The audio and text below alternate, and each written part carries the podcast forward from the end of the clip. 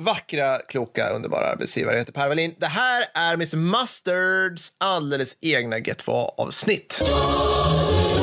Mm, så är det. Och vi får ju äntligen prata lite Ukraina. Igen, Mattis. Ja, det, det, det, var, det var typ så avsnitt 83. Alltså vi nämner det från och till. Men, Ja. men som, ja, helt avsnitt var väl 83 har jag för mig. Vad det är Ukraina Redux. Exakt. Ja, mm, Det så det här som landade väldigt praktiskt alldeles efter Charkiv-offensiven. Just det. Det, det, Var jag, var kan, jag kan säga det förresten. Det är ju många av er som, som har frågat kan ni inte göra mer om Ukraina. Mm. Där vi, när vi spelar in det här så håller ryssarna på att med en snigels hastighet Mm. ta terräng kring Bachmut.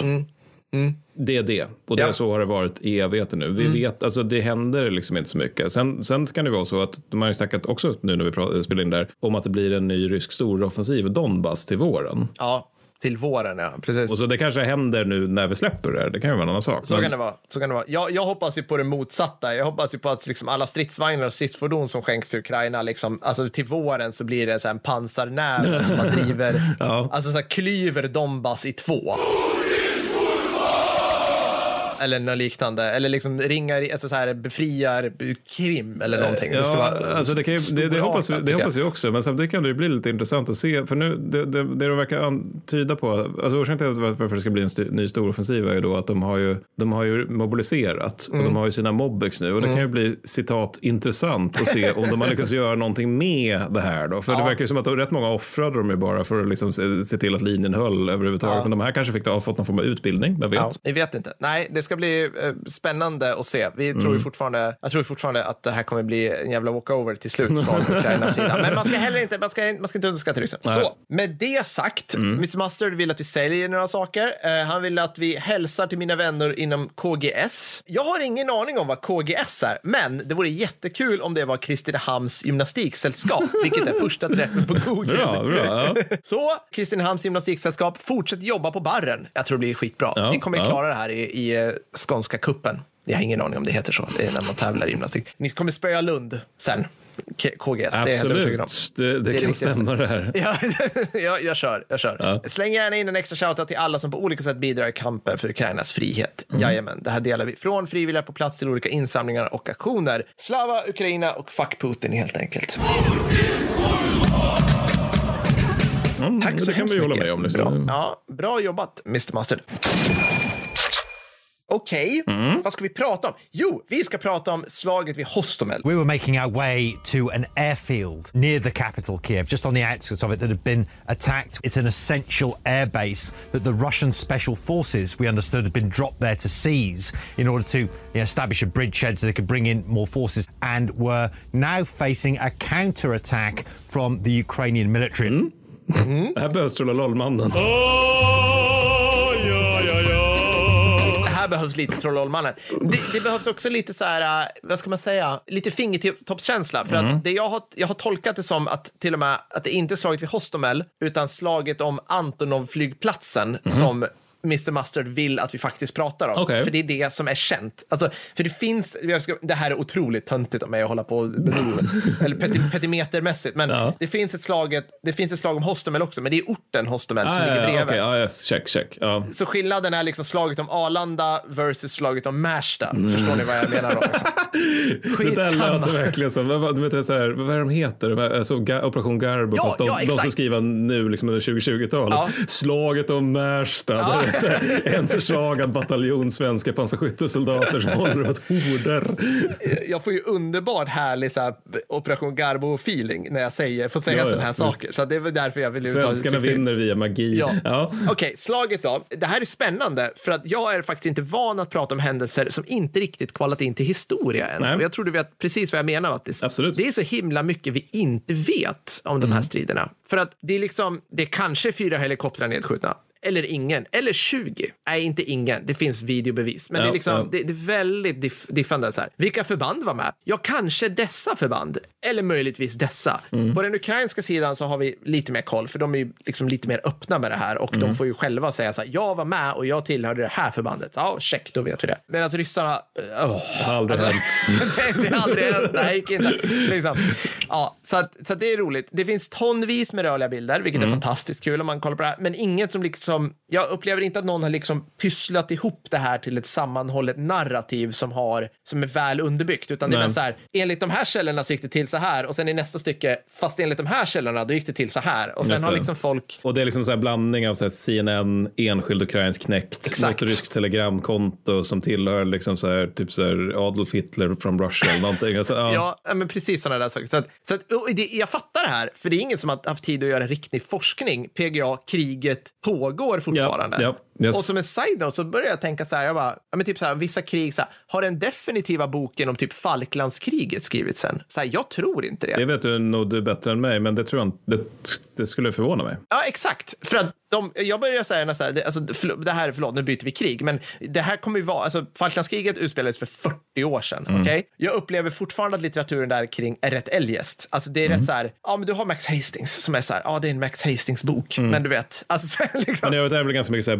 politiska bassar som har skrivit memoarer och liknande. Alltså, men det är antingen eller. Antingen är det rätt så här, alltså breda penseldrag, men rätt så här, torrt är det väl inte. Men det är inte så bra skrivet. Nej. Antingen är det det, och då är det så här, uh, Admiral Woodward sa A, så här, ba, ba, ba, ba, och sen händer det här. Liksom. Eller så är det bassar som går. Liksom. Här, jag tror inte att, om man tänker sig som enskild bok, tror inte jag att den definitiva boken om andra världskriget har skrivits. Nej, nej. Ja, Alltså, och det är nästan omöjligt att göra en sån bok. Men alltså, Ja. det närmsta är väl Anthony Beaver, men den är ju liksom, det är inte så att han har forskat där, utan det är mer att han, han har, men han har gjort som vi gjort, han har läst böcker om Ja. det hela och sen så är han, är han duktig på att skriva, men det är liksom, det finns problem i den boken kan jag Ja, säga. ja, men så, att, så att det är kul. Så att med det gnället ur vägen, Ja, förlåt här, Mr. Master. Inledningen i alla fall. Kul slag. Okej. ja, men det är lite roligt. Alltså, Som sagt, jag sa, vi pratar om striden vid Arlanda, Mm, inte slaget om Märsta då, som skillnad. 24 till 25 februari 2022, precis exakt enligt ryska försvarsmaktens handbok, regimskifte i närliggande länder som trilskas. Mm. Så eh, luftlandsätter man folk helt enkelt. Har det här funkat förut? Ja, Eh, se, se Operation Storm 333 avsnitt Ja, 105. Närliggande faktiskt. så att ja. de, de har någonting att utgå ifrån. I övrigt så är likheterna mellan Afghanistan 1979 och Ukraina 2022 noll. Vodka. Det här, Ja, vilket yes. de snart får erfara. Jaha, det är inte herdar med, med machete som vi slåss mot. Det är roligt. Utan, utan någon känsla för land, kultur. Du vet, liksom. ja.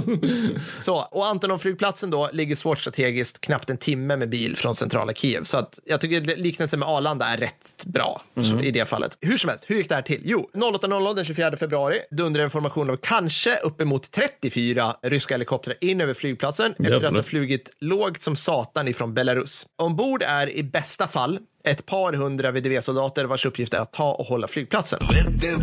Tillsammans med trupptransporthelikopterna är ett okänt antal ryska attackhelikoptrar som nu börjar förbekämpa flygplatsen till höger och vänster. Och i nästa skede då, efter att man har tagit flygplatsen, då ska man flyga in tyngre grejer. Återigen, allt det här känner vi igen. Det är inte Ja, bara ryssarna som kom på det, det här har jänkarna gjort i Panama och sådana här saker i Granada. Obs då för ryssarna, det är att flygplatsen var försvarad av uppemot 300 ukrainska elithemvärnsmän med buret luftvärn.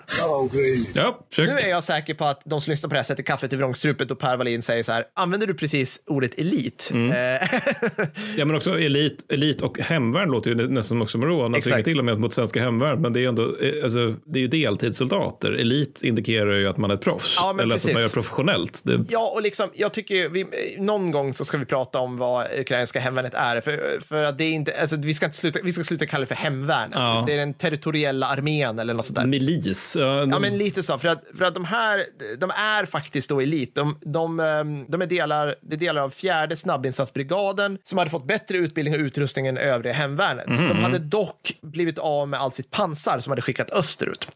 VDV-soldaterna luftlandsätts nu och full strid utbryter på flygplatsen. Ryska helikoptrar cyklar runt och sprätter loss med akan och raketer ovanför VDV-soldaterna medan ukrainarna i hus och värn möter deras eld med allt de har. Det finns på film, det är också ballt på ett sätt att de filmar inifrån eh, KA52 när de liksom stryker över. Alltså, Ja. det, det måste man säga, det är ballt. Liksom. Det Ja, är ja, kul ja. att det också är historia nu på något vis. Alltså. Det ligger liksom, de här klippen som en jävla rysk pilot spelade in ligger som dokument. Alltså, mm, ja, ja, jag gillar det. Problemet för framtida historiker är liksom inte för få källor när det gäller det här kriget. Nej, nej, men verkligen inte. Men, och det här är min nästa rubrik, eh, källäget är oväntat katastrofalt. För Jag bara, men vad hände sen? Så här, det här måste ju vara uppstyrt, liksom. Det här måste ju vara liksom befäst på något vis. Här. Alltså, Det är oklart. Så här. Intervjuer med ukrainare på plats säger att de fick order om att retirera från flygplatsen efter att de dräpt ryssar och deras helikoptrar i drivor och få slut på ammunition. Andra medier säger att ukrainarna blev helt överkörda. Så att jag bara, okej, det- antingen eller. Alltså, Men av någon anledning så är de inte där, liksom. de går sig Nej, iväg precis. På, ja. På, på, o- o- liksom, ryssar, hur som helst så tar ryssarna flygplatsen. Mm. Förluster? Frågetecken. Extremt oklart. På båda sidor Ja, i praktiken här. Kan vi gissa att det är runt lunchtid nu, så- till exempel, om vi sätter in det där på någon form av tidslinje. Lägger sig nu tystnaden och ryssarna kan high-fivea varandra och knäcka upp plundringsvodkan. Vodka. Så, Det är väl det de gör, tycker, men att det inte det- riktigt stämmer. ja, alltså de, de skulle vilja, men så här är det. Det som händer nu är att flygplatsen börjar, be, börjar nu beskjutas av beväpnade civila. Vilket är, för att få en Operation Garbo-liknelse, Märsta-bor som plockar fram jaktbössan. ja. Nej, bra tåg. Det här skulle inte hänt i Kabul, kan jag berätta för er. Alltså, det skulle liksom, närliggande afghaner skulle inte bara, nej men vad fan, här, det här gör de inte på flygplatsen. Det är väl snarare så här, bra. Ja, men Du exakt. tycker inte Skönt. heller om dem. Nej, jag gillar inte heller. De tillhör en annan klan. Jag gillar inte alls de här flygplatserna. Nej. Nej, precis. Och samt ukrainska operatörer som befinner sig i närheten, vilket ger, ger mig känslan av lite sån här, kommer du ihåg den här bilden på SAS-operatören som typ tar sig in eh, när al-Shabab anfaller ett köpcentrum i, i Nairobi? Mm. Har du sett den här? Ja, liksom så här han, han befann sig i närheten. Åh, shit! Springer tillbaka till sin pickis, drar på sig kroppsskydd, tar ut AK och bara... Så här. Men, jag men det bara, var så. Ja. insticksfråga, men det var väl lite så också att just ukrainska SF var rätt mycket, alltså det var väl rätt mycket så här de höll på i början av kriget. Alltså att de, jag minns att det var vid Irpin, det var ju typ så här nå- några plutoner av dem som liksom höll horder Ja. med pansarvärnsrobotar i en vecka eller någonting. Ja, det men exakt, alltså att de precis. sattes in som rent infanteri för att det var de man kunde plocka av. Ja, ja, och jag antar liksom att de var utplacerade på något så här liksom i närheten. Mm. Alltså så här, åk dit då, så, så, som kanske någon så här snabbinsatsstyrka och liksom att spana på och behålla stridskontakten.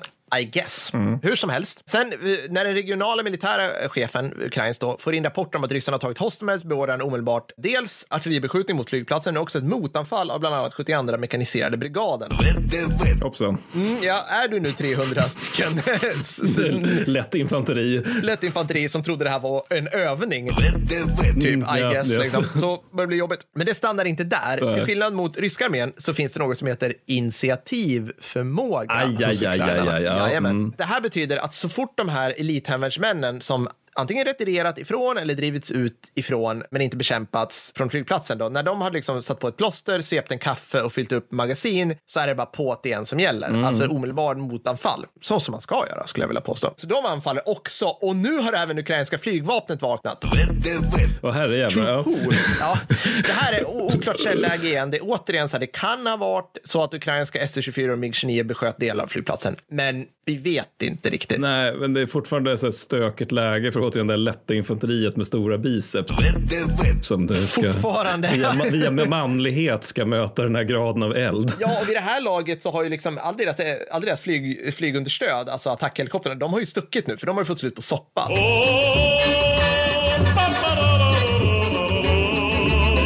Liksom. Ja, yes. de, de är ju tillbaka, alltså, det måste ju vara så.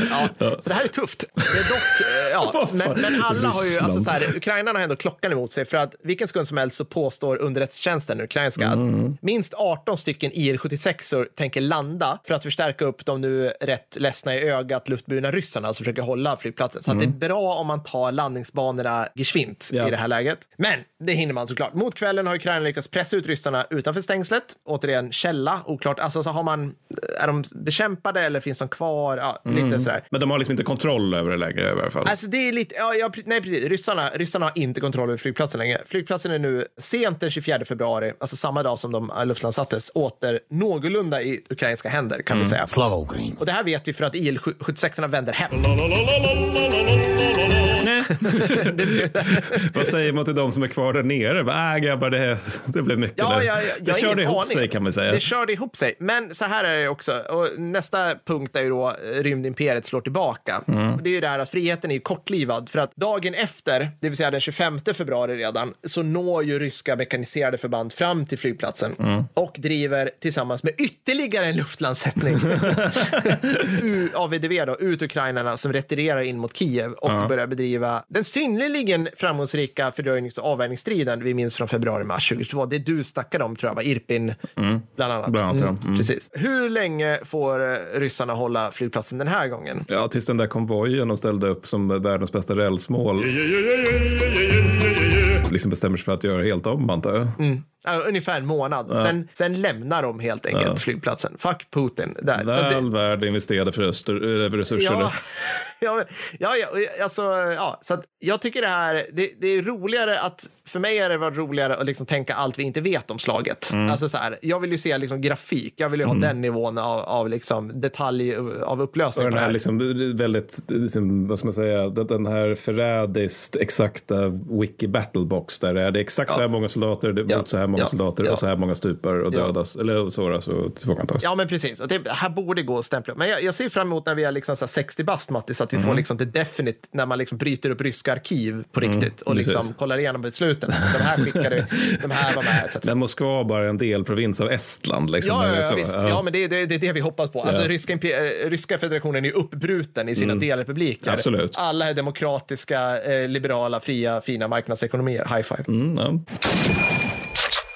Så var det med det. Mr Mustard, du är underbar människa. Tack för att du är vår arbetsgivare. Stort tack för det. Jag hoppas du är nöjd. Du fick höra lite trollololl. Det blev lite kulsprutor här och där. Och, eh, Jag hoppas ja. Fredrik vill lägga in det där the, the, the också. Det tycker jag passar. Ja.